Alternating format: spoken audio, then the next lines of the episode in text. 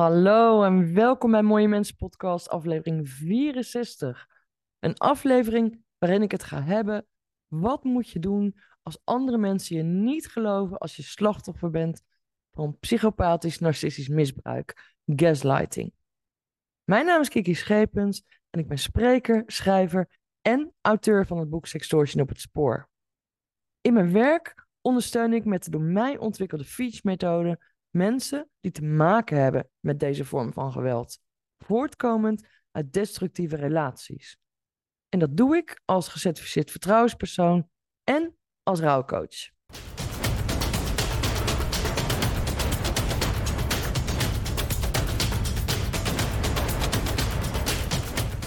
In Mooie Mensen podcast nummer 63 had ik het erover dat je vaak niet geloofd wordt hè, als je vertelt dat je slachtoffer bent geworden van narcistisch psychopathisch misbruik of psychisch geweld. Nou, in deze aflevering ga ik het echt met je hebben over wat je nou moet doen als andere mensen je niet geloven. Mijn advies is sowieso: praat erover als het je overkomt of overkomen is, maar alleen met mensen die je echt vertrouwt. Of, en dat zei ik ook in die vorige podcast, misschien nog beter, met een buitenstaander. En nu is het zo dat met alle respect, maar niet alle professionals hebben daadwerkelijk verstand van de materie. Dus als je een professional raadpleegt, dan is mijn advies om altijd te vragen of diegene beschikt over uitvoerige kennis van mensen met een persoonlijkheidsstoornis als narcisme, borderline of de antisociale persoonlijkheidsstoornis, of misschien wel een combi daarvan. En dat is heel belangrijk, want iemand die niet over die kennis beschikt, die zal moeite hebben om jou te begrijpen en juist begrip en erkenning van je verdriet zijn nodig om jou te helpen om te herstellen. Ik heb het zelf meegemaakt dat ik bij een hulpverlener kwam. En ik vroeg dus of hij kennis had van persoonlijkheidsstoornissen, omdat het voor mij gewoon ja, heel belangrijk was. Weet je wat ik als antwoord kreeg? Ik ben hier degene die de vraag stelt. Nou, toen had ik al zo'n gevoel van wegwezen hier. Maar goed, uit fatsoen ben ik nog een tweede keer teruggegaan. En ik merkte aan alles, aan de manier van vraagstelling, aan de reactie, de lichaamshouding van die therapeut, dat hij totaal niet geïnteresseerd was in wat ik zei. Of als ik hem tegensprak, nou nou, dat kon niet, want hij was de therapeut. Nou, toen ben ik opgestaan en heb ik gewoon beleefd gezegd: Neem me niet kwalijk, maar u kunt mij niet helpen, want het ontbreekt u gewoon echt aan kennis over de materie psychopathie. En ik heb nooit, maar dat ik nooit spijt gehad van mijn besluit. En ik ben op zoek gegaan naar iemand die me wel kon helpen. Overigens heb ik ook gelijk inzage gevraagd in mijn dossier, want ja, ik vertrouwde die therapeut niet langer. Dus als jij bij een therapeut bent of bent geweest en je hebt er gewoon geen goed gevoel over, vraag inzage in je dossier. Daar heb je recht op en een hulpverlener hoort die jou gewoon te verstrekken.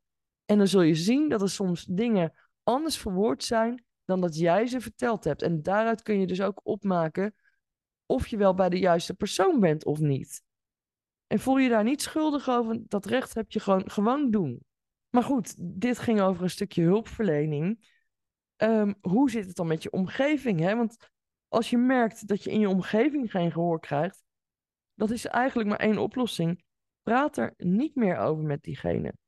Probeer niet om die ander te overtuigen, want dat gaat je niet lukken.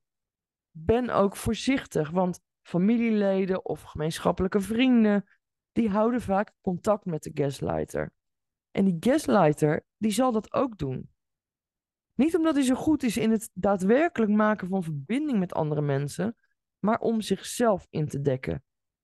En die zal vaak vertellen dat de relatie onhoudbaar is geworden omdat jij zo'n borderliner of narcist bent. Nou, hoe wil je daar tegen wapenen? Als ik je nou net verteld heb in de vorige podcast, hè, dat zulke mensen talloze maskers op kunnen zetten en heel charmant over kunnen komen. Alsof ze de beste bedoelingen hebben en het beste voor hebben met anderen. Kijk, jij bent daar ooit ingetrapt, dus een ander trapt daar ook in. Niet iedereen, maar daarom is het wel belangrijk om voorzichtig te zijn met wat je deelt en met wie je het deelt. Maar dat neemt niet weg dat het wel belangrijk is om te praten en om je gevoelens te uiten. Ook als je nog in een relatie zit en je durft daar niet uit te stappen, je kunt bij de huisarts of bij de apotheek een handgebaar maken om te laten weten dat je slachtoffer bent van huiselijk geweld. Nou, hoe je dat doet? Dan steek je je hand op, je vouwt je duim naar binnen en daaroverheen leg je de rest van je vingers. Als je dat signaal een paar keer herhaalt, dan hoort een medewerker te weten dat jij zo stilletjes aangeeft dat je slachtoffer bent van huiselijk geweld. En dat kan heel handig zijn voor als je een partner hebt die overal met je mee naartoe wil. Die jou nergens alleen naartoe laat gaan of die een soort van begeleider met je meestuurt. Want het zijn altijd mensen, die gaslighters, die willen controle houden, die willen macht houden. Want dat is wat zij willen. Macht en controle houden over anderen. Omdat, en nou komt hij, dat geeft hen echt een superieur gevoel. Terwijl ze eigenlijk onzekere kleine kinderen zijn. Ik noem gaslighters altijd kleine kinderen in een volwassen lijf. Nou, het, het is echt zo. Maar het allerbelangrijkste is, alles wat je aandacht geeft groeit. Dus ja, je zult vrienden verliezen of verloren hebben. En dat gebeurt en het kan verschrikkelijk veel pijn doen. Je moet ook gewoon echt opnieuw invulling aan je eigen leven gaan geven. Maar weet dat waar de ene deur zich sluit, dan gaat er altijd wel weer een andere deur voor je open. En probeer om niet boos te zijn op de mensen die je verliest. Want sommigen zien het niet, zullen het nooit zien of willen het niet zien. En in andere gevallen moet je bedenken dat de appel meestal niet ver van de boom valt. Houd vast aan de mensen die er wel voor je zijn en laat degene los die jou niet geloven. Want het maakt je alleen maar verdrietig. En een van mijn motto's, en dat maakt ook onderdeel uit van mijn Feach-methode, dat is dat je nou eenmaal alles wat je verdrietig maakt los moet laten. En over geloven gesproken, ik geloof ook dat als je 100% eerlijk bent, dat je de beste versie van jezelf bent. Maar 100% eerlijk zijn, daar hoort af en toe ook bij dat je afscheid moet nemen van mensen. Want als je 100% eerlijk bent tegenover jezelf, ga dan eens bij jezelf na of je echt, koste wat het kost, mensen in je leven wilt houden die jou niet geloven. Ook al zijn het liever mensen of mensen waar je leuke tijden mee hebt gehad, mensen die je voor vrienden aanzag of misschien zelfs wel familieleden. Ben eens echt eerlijk. Wil jij met mensen omgaan waarbij je je niet veilig voelt?